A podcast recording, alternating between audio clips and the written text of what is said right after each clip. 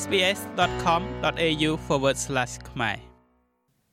នៅក្នុងឆ្នាំនេះប្រជាជនអូស្ត្រាលីនឹងចូលរួមនៅក្នុងការបោះឆ្នោតប្រជាមតិមួយដែលពួកគេនឹងត្រូវបានស្នើសុំឲ្យបោះឆ្នោត Yes ឬក៏ No ជាចម្លើយចំពោះសំណួរតើអ្នកគ្រប់គ្រងការផ្លាស់ប្តូររដ្ឋធម្មនុញ្ញដើម្បីទទួលស្គាល់ប្រជាជនដើមដំបូងរបស់អូស្ត្រាលីដោយការបង្កើតសម្លេងជនជាតិដើមភាគតិច Aboriginal និងអ្នកកោះ Torres Strait ដែរឬទេ ប៉ុន្តែអ្វីទៅជាសម្លេងឬក៏ The Voice នោះហើយមានតលហីកអ្វីខ្លះចំពោះការប្រឆាំងនិងការគ្រប់គ្រងសូមស្ដាប់ពិចារណាទាំងអស់គ្នា នៅឆ្នាំ2017មេដឹកនាំជនជាតិដើមភាគតិច250នាក់មកពីជុំវិញប្រទេសបានប្រមូលផ្ដុំគ្នានៅអ៊ូលូរូនៅទីនោះពួកគេបានបង្កើតនិងគ្រប់គ្រងសេចក្តីថ្លែងការណ៍អ៊ូលូរូចេញពីបេះដូង សំណុំពាក្យសាមញ្ញសាមញ្ញប៉ុន្តែបែបកំណាព្យនេះ បានអំពាវនាវសុំរឿង3យ៉ាង គឺសំឡេង សន្ធិសញ្ញានិងការពិតសាស្ត្រាចារ្យ Megan Davis សមាជិកក្រុមប្រឹក្សាប្រជាមតិបានអានសេចក្តីថ្លែងការណ៍នេះជាលើកដំបូងនៅលើដីក្រហមនៃមហាសន្និបាតនេះ We seek constitutional reforms យើងស្វែងរកកំណែទម្រង់រដ្ឋធម្មនុញ្ញដើម្បីផ្ដល់អំណាចដល់ប្រជាជនរបស់យើងនិងកាន់កាប់កន្លែងត្រឹមត្រូវនៅក្នុងប្រទេសរបស់យើងនៅពេលដែលយើងមានអំណាចលើជោគវាសនារបស់យើងកូនចៅរបស់យើងនឹងរីកចម្រើនពួកគេនឹងដើរក្នុងពិភពលោក2ហើយវប្បធម៌របស់ពួកគេនឹងក្លាយជាអំណោយដល់ប្រទេសរបស់ពួកគេ យើងអំពាវនាវឲ្យមានការបង្កើតសម្លេងប្រជាជនដើមដំបូងដែលមានចែងក្នុងរដ្ឋធម្មនុញ្ញនេះវាបានចំណាយពេលអស់6ឆ្នាំប៉ុន្តែឥឡូវនេះប្រជាជនអូស្ត្រាលីត្រូវបានស្នើឲ្យបោះឆ្នោតលើសំណើនេះដើម្បីកែប្រែរដ្ឋធម្មនុញ្ញប្រជាជនអូស្ត្រាលីនឹងត្រូវបានស្នើសុំឲ្យបោះឆ្នោត Yes ឬក៏ No ជាចម្លើយចំពោះសំណួរដែលសួរថា តើអ្នកគ្រប់គ្រងការផ្លាស់ប្តូររដ្ឋធម្មនុញ្ញដើម្បីទទួលស្គាល់ប្រជាជនដើមដំបូងរបស់អូស្ត្រាលីដោយបង្កើតសម្លេងជនជាតិដើមភាគតិច Aboriginal និងអ្នកកោះ Torres Strait ដែរឬទេដូច្នេះតើ The Voice គឺជាអ្វីក្រុមការងារប្រជាមតិនៃប្រជាជនដើមដំបូងរបស់រដ្ឋាភិបាលនិយាយថាសម្លេងឬក៏ The Voice នឹងក្លាយជាស្ថាប័នអចិន្ត្រៃយ៍មួយដើម្បីធ្វើជាតំណាងនៅសភាអូស្ត្រាលី និងរដ្ឋាភិបាលប្រតិបត្តិស្ដីអំពីច្បាប់និងគោលនយោបាយដែលមានសារៈសំខាន់ចំពោះជនជាតិដើមភាគតិច Aboriginal និងអ្នកកោះ Torres Strait លោកស្រី Pat Anderson សមាជិកនៃក្រុមការងារប្រជាមតិមានប្រសាសន៍ថា The Voice ត្រូវការជាចាំបាច់ ពីព្រោះអូស្ត្រាលីត្រូវតែធ្វើឲ្យបានល្អជាងនេះនៅពេលនិយាយអំពីប្រជាជនដើមដំបូងរបស់ខ្លួន It's a universal truism វាជាការពិតជាសកល នៅពេលដែលអ្នកចូលរួមជាមួយនឹងមនុស្សដែលអ្នកកំពុងធ្វើការសម្រេចចិត្តសម្រាប់ពួកគេអ្នកនឹងធ្វើការសម្រេចចិត្តបានប្រសើរជាងមុននិងការបែងចែកធនធានទាំងអស់ដែលទាមទារឲ្យកាន់តែប្រសើរឡើង នេះគឺជាមូលដ្ឋានគ្រឹះនៃលទ្ធិប្រជាធិបតេយ្យណាមួយហើយអ្នកដឹងថាប្រទេសអូស្ត្រាលីគឺជាប្រទេសមួយក្នុងចំណោមប្រទេសលទ្ធិប្រជាធិបតេយ្យសេរីមួយចំនួនតូចក្នុងពិភពលោកដែលមិនមានការរៀបចំណាមួយដំណោះស្រាយណាមួយជាមួយនឹងប្រជាជនដើមដំបូងរបស់ខ្លួនគំនិតនេះមិនមែនជារឿងថ្មីទេអង្គការ Reconciliation Australia និយាយថាជនជាតិដើមភាគតិច Aboriginal និងអ្នកកោះ Torres Strait បាននឹងកំពុងអំពាវនាវឲ្យមានសម្លេងនយោបាយក្នុងទម្រង់មួយឬក៏ទម្រង់ផ្សេងទៀតអស់រយៈពេលជិតមួយសតវត្សមកហើយរដ្ឋមន្ត្រីទទួលបន្ទុកជនជាតិដើមភាគតិចអូស្ត្រាលីលោកស្រី Linda Burney មានប្រសាសន៍ថាការអំពាវនាវនេះគួរតែត្រូវបានផ្ដល់កិត្តិយសដោយហេតុផលសាមញ្ញថាវាគឺជាអ្វីដែលមេដឹកនាំជនជាតិដើមភាគតិចបានស្នើសុំបន្ទាប់ពីដំណើរការដ៏ម៉ត់ចត់និងល្អិតល្អន់ដែលផ្ដួចផ្ដើមឡើងដោយរដ្ឋាភិបាល។ 122 years after the Australian Constitution 122ឆ្នាំបន្ទាប់ពីរដ្ឋធម្មនុញ្ញអូស្ត្រាលីត្រូវបានបង្កើតឡើង ជាង80ឆ្នាំចាប់តាំងពីលោក William Cooper មានញត្តិរបស់គាត់35ឆ្នាំចាប់តាំងពីសេចក្តីថ្លែងការណ៍របស់ Bunrunga 30ឆ្នាំចាប់តាំងពីសន្ទរកថារបស់លោក Keating Redfern 16ឆ្នាំចាប់តាំងពីលោក John Howard បានសន្យាធ្វើប្រជាមតិសម្រាប់ការទទួលស្គាល់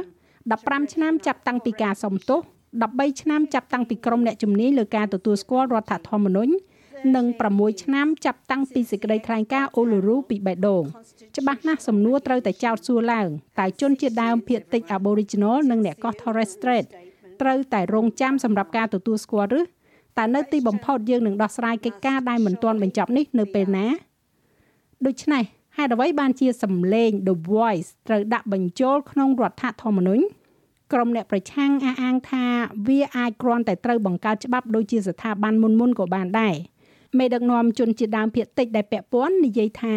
វាគ្រាន់តែអាចធានាថាវាមិនរងឥទ្ធិពលឬក៏លុបបំបាត់ដោយរដ្ឋាភិបាលនាពេលអនាគតណាមួយឡើយដោយដែលក្រុមប្រឹក្សាមុនមុនដូចជា ATSIC គណៈកម្មការជនជាតិដើម Aboriginal និងអ្នកកោះ Torres Strait ដែលត្រូវបានគេលុបបំបាត់នោះ លោកស្រី Marcia Langton គឺជាស្ថាបត្យករដ៏សំខាន់មួយនៃ The Voice និងជាសមាជិកនៃក្រុមការងារធ្វើប្រជាមតិ The Royal Commission into Aboriginal Deaths in Custody រាជគណៈកម្មាធិការត្រួតពិនិត្យទៅលើការស្លាប់របស់ជនជាតិដើមភាគតិចនៅក្នុងមន្ទីរឃុំឃាំងការស៊ើបអង្កេតទៅលើការបង្ខំឲ្យដកកុមារជនជាតិដើម Aboriginal ចេញពីក្រុមគ្រួសាររបស់ពួកគេ រាជគណៈកម្មការដុនដែលខ្ញុំអាចរាប់បន្តទៅទៀតបានហើយក្នុងករណីនីមួយៗយើងបានផ្ដល់អនុសាសន៍យ៉ាងម៉ឺងម៉ាត់នៅការផ្លាស់ប្ដូរដើម្បីបញ្ឈប់ការស្លាប់ការជាប់ឃុំឃាំងការស្លាប់មុនអាយុនិងជីវិតដ៏វេទនាហើយវាកម្រណាស់ដែលអនុសាសន៍របស់យើងត្រូវបានអនុវត្តនេះជាមូលហេតុដែលយើងមិនអាចរាយការណ៍អំពីការកែលម្អជាច្រើនក្នុងសុចនាករនៃការបិទគម្លាតយើងនៅទីនេះដើម្បីគូបន្ទាត់នៅលើខ្សាច់ហើយនិយាយថានេះត្រូវតែផ្លាស់ប្ដូរ ជីវិតរបស់មនុស្សត្រូវតែប្រសើរឡើងហើយយើងដឹងពីផុសតាងដែលថាអ្វីដែលធ្វើឲ្យជីវិតមនុស្សមានភាពប្រសើរឡើងគឺនៅពេលដែលពួកគេបាននិយាយនេះហើយជាអ្វីដែលវាស្ដីអំពីចុះហេតុអ្វីបានជាសម្លេងឬក៏ The Voice គួរមកមុនការអំពាវនាវរបស់សេចក្តីថ្លែងការណ៍អូឡូរូឲ្យមានសន្ធិសញ្ញានឹងការពិតនោះអ្នកតស៊ូមតិនិយាយថាវាដោយសារតែដើម្បីសម្រេចបាននៅសន្ធិសញ្ញា រដ្ឋាភិបាលត្រូវការស្ថាប័នតំណាងដើម្បីចរចាជាមួយអ្វីដែលមិនទាន់មានក្នុងពេលបច្ចុប្បន្នការស្ទុកមតិបានបង្ហាញម្ដងហើយម្ដងទៀតសាធារណជនអូស្ត្រាលីគ្រប់គ្រងយ៉ាងទូលំទូលាយនៅការទទួលស្គាល់ដោយរដ្ឋធម្មនុញ្ញចំពោះប្រជាជនដើមដំបូងរបស់ប្រទេសនេះ។ប៉ុន្តែនៅពេលដែលការជជែកដេញដោលបន្តទៅមុខការគ្រប់គ្រងចំពោះសំណើរបស់ The Voice ជាពិសេសនេះត្រូវបានធ្លាក់ចុះរដ្ឋាភិបាលបានសង្ឃឹមថានឹងមានការគ្រប់គ្រងទ្វេភាគី ដែលប្រវត្តិសាស្ត្របង្ហាញថាការបោះឆ្នោតប្រជាមតិទំនងជានឹងមិនជោគជ័យទេបើគ្មានការគ្រប់គ្រងពីគណៈបកធំធំទាំងពីរប៉ុន្តែគណៈបកសម្ព័ន្ធបានជ្រើសរើសគ្រប់គ្រងយុទ្ធនាការ No ជំនួសវិញមេដឹកនាំគណៈបកប្រឆាំងលោក Peter Dutton បានហៅសំណើនេះ ថាសំឡេង Canberra ឬក៏ The Canberra Voice For voices embedded in the constitution the parliament can't change ប្រសិនបើសំឡេងមួយត្រូវបានបង្កប់នៅក្នុងរដ្ឋធម្មនុញ្ញសភាមិនអាចផ្លាស់ប្ដូរសំឡេងនេះឬអនុម័តច្បាប់ដើម្បីបដិសេធវាបានទេសភាមិនអាចចេញច្បាប់ដូររដ្ឋធម្មនុញ្ញបានឡើយប្រសិនបើប្រជាជនអូស្ត្រាលីមានវិបដិសារីឬក៏ស្ដាយក្រោយ The Voice មកជាមួយនឹងគោលនយោបាយដែលគ្មានការបកត្រឡប់ក្រោយ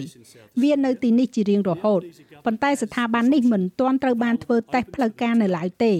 វាមិនទាន់ត្រូវបានបង្កើតច្បាប់ដោយករណីនៅក្នុងរដ្ឋអូស្ត្រាលីខាងត្បូងនៅឡើយទេហើយរដ្ឋាភិបាលលោក Albanese មានជំរើសនេះបើកសម្រាប់ពួកគេនៅថ្ងៃនេះ។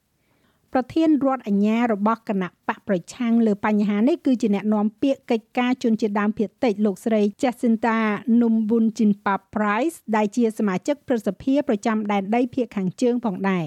លោកស្រីចោទជាសំណួរចំពោះការអះអាងដែលថា The Voice នឹងមានអត្ថន័យជាក់ស្ដែងហើយនិយាយទៀតថាការជជែកដេញដោលរបស់ The Voice នេះកំពុងរំខានដល់បញ្ហាពិតដែលប្រឈមមុខដោយសហគមន៍ជនជាតិដើមភាគតិច We're being put on hold until this referendum យើងកំពុងត្រូវបានគេផ្អាករហូតដល់ការធ្វើប្រជាមតិនេះរួចហើយបញ្ហាពិតមិនត្រូវបានដោះស្រាយភ្លាមៗទេដោយសាររដ្ឋាភិបាលលោក Albanese កំពុងណែនាំថាវាគឺជាសម្លេងទៅកាន់សភាដែលជារឿងតែមួយគត់ដែលនឹងដោះស្រាយបញ្ហាដ៏លំបាករបស់យើងមួយចំនួនដែលវាមិនពិតទាល់តែសោះ វាគឺជាទំនួលខុសត្រូវរបស់គាត់វាគឺជាទំនួលខុសត្រូវរបស់រដ្ឋមន្ត្រីទទួលបន្ទុកជនជាតិដើមភាគតិចអូស្ត្រាលីនៅក្នុងការដោះស្រាយបញ្ហាកង្វល់ជាបន្ទាន់ទាំងនេះដែលកំពុងតែកើតឡើងនៅពេលនេះការរិះគន់ផ្សេងទៀតរួមមានសំណើរបស់ The Voice គឺខ្វះព័ត៌មានលម្អិតមានការបែកបាក់ជាតិសាសន៍និងងាយរងគ្រោះការប្រឈមផ្នែកច្បាប់លោក Warren Mundin គឺជាអ្នកនាំពាក្យសម្រាប់យុទ្ធនាការ No My view on the voice of parliament is is ទស្សនៈរបស់ខ្ញុំចំពោះសម្លេងទៅកាន់សភាគឺថាគឺជាការខ្ជះខ្ជាយថវិកាទាំងស្រុងអ្នកដឹងទេថាវាត្រូវចំណាយថវិកាអស់ជាង300លានដុល្លារដែលគេអាចចាយទៅលើគម្រោងសហគមន៍នៅទីនោះនៅក្នុងតំបន់ដាច់ស្រយាលនៃប្រទេសអូស្ត្រាលីវាត្រូវបានបង្កើតឡើងដោយការប្រមាលមើលឃើញថាជនជាតិដើមភាគតិចមិនមានសម្លេងយើងតែងតែមានសម្លេងហើយយើងមានសម្លេងខ្លាំងតាំងពីឆ្នាំ1973មក រឿងរបស់ខ្ញុំគឺ យើងត្រូវទទួលបានការអភិវឌ្ឍសេដ្ឋកិច្ចការងារការអប់រំនិងការវិនិយោគទៅក្នុងសហគមន៍ទាំងនោះនិងការកសាងអាជីវកម្មនោះគឺជារឿងតែមួយគត់ដែលនឹងធ្វើឲ្យមានភាពខុសគ្នាប៉ុន្តែមិនមែនអ្នកដែលប្រឆាំងទៅនឹង The Voice ទាំងអស់នៅក្នុងក្រុមតែមួយនោះទេមិនដោយគណៈបកសម្ព័ន្ធនោះទេសមាជិកព្រឹទ្ធសភាឯករាជ្យរដ្ឋ Victoria គឺលោកស្រី Lydia Thorpe មានប្រសាសន៍ថា The Voice មិនទៅឲ្យបានឆ្ងាយគ្រប់គ្រាន់ទេ កាលពីដើមឆ្នាំនេះលោកស្រី Lydia Thorpe បានលាឈប់ពីគណៈបក Greens ដោយសារការគ្រប់គ្រង The Voice ហើយឥឡូវនេះលោកស្រីនិយាយថាលោកស្រីកំពុងតំណាងឲ្យចលនា Black Sovereign ក្នុងការប្រឆាំងរបស់លោកស្រីជំនួសមកវិញលោកស្រីបានអំពាវនាវឲ្យមានសន្ធិសញ្ញានិងការអនុវត្តពេញលេញលើអនុសាសន៍របស់រាជគណៈកម្មការឆ្នាំ1991ទៅលើការស្លាប់របស់ជនជាតិដើមនៅក្នុងមន្ទីរឃុំឃាំង You are crucifying us again. អ្នកកំពុងចាប់យើងចងឆ្កាងម្ដងទៀតដោយមិនផ្ដល់អំណាចដល់យើងនោះទេបើអ្នកពិតប្រកបសូមផ្ដល់កៅអីព្រឹទ្ធសភាដល់យើងនៅទីនេះ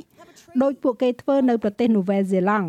មានសន្ធិសញ្ញាដោយពួកគេធ្វើហើយអ្វីយើងមិនអាចធ្វើដូច្នេះប៉ាក់ Labor អ្នកខ្លាចមែនទេ លោក Hawke ត្រូវបានបញ្ឈប់ដោយអ្នកអភិរក្សរបស់គាត់នៅពេលនោះ ហើយបានប្រាប់កុំឲ្យបន្តសន្ធិសញ្ញា អ្នកដឹងរឿងនោះលោក Keating ក៏បានព្យាយាម គាត់ត្រូវបានគេបំបិតហើយលោក Albanese ច្បាស់ជាគ្មានសេចក្តីក្លាហាននោះទេគេរំពឹងថាប្រជាមតិនេះនឹងត្រូវធ្វើនៅពេលណាមួយនៅចន្លោះខែតុលាដល់ខែវិច្ឆិកាការបដិឆេទជាក់លាក់នៅមិនទាន់ត្រូវបានប្រកាសនៅឡើយនោះទេដើម្បីអាចធ្វើទៅបានការបោះឆ្នោតនេះនឹងត្រូវការសម្លេងឆ្នោតភាគច្រើននៅក្នុងរដ្ឋភាគច្រើន ចាស់ហើយរបាយការណ៍នេះចងក្រងឡើងដោយ Claire Slattery សម្រាប់ SBS News និងប្រែសម្រួលសម្រាប់ការផ្សាយរបស់ SBS ខ្មែរដោយនាងខ្ញុំហៃសុផារ៉ានី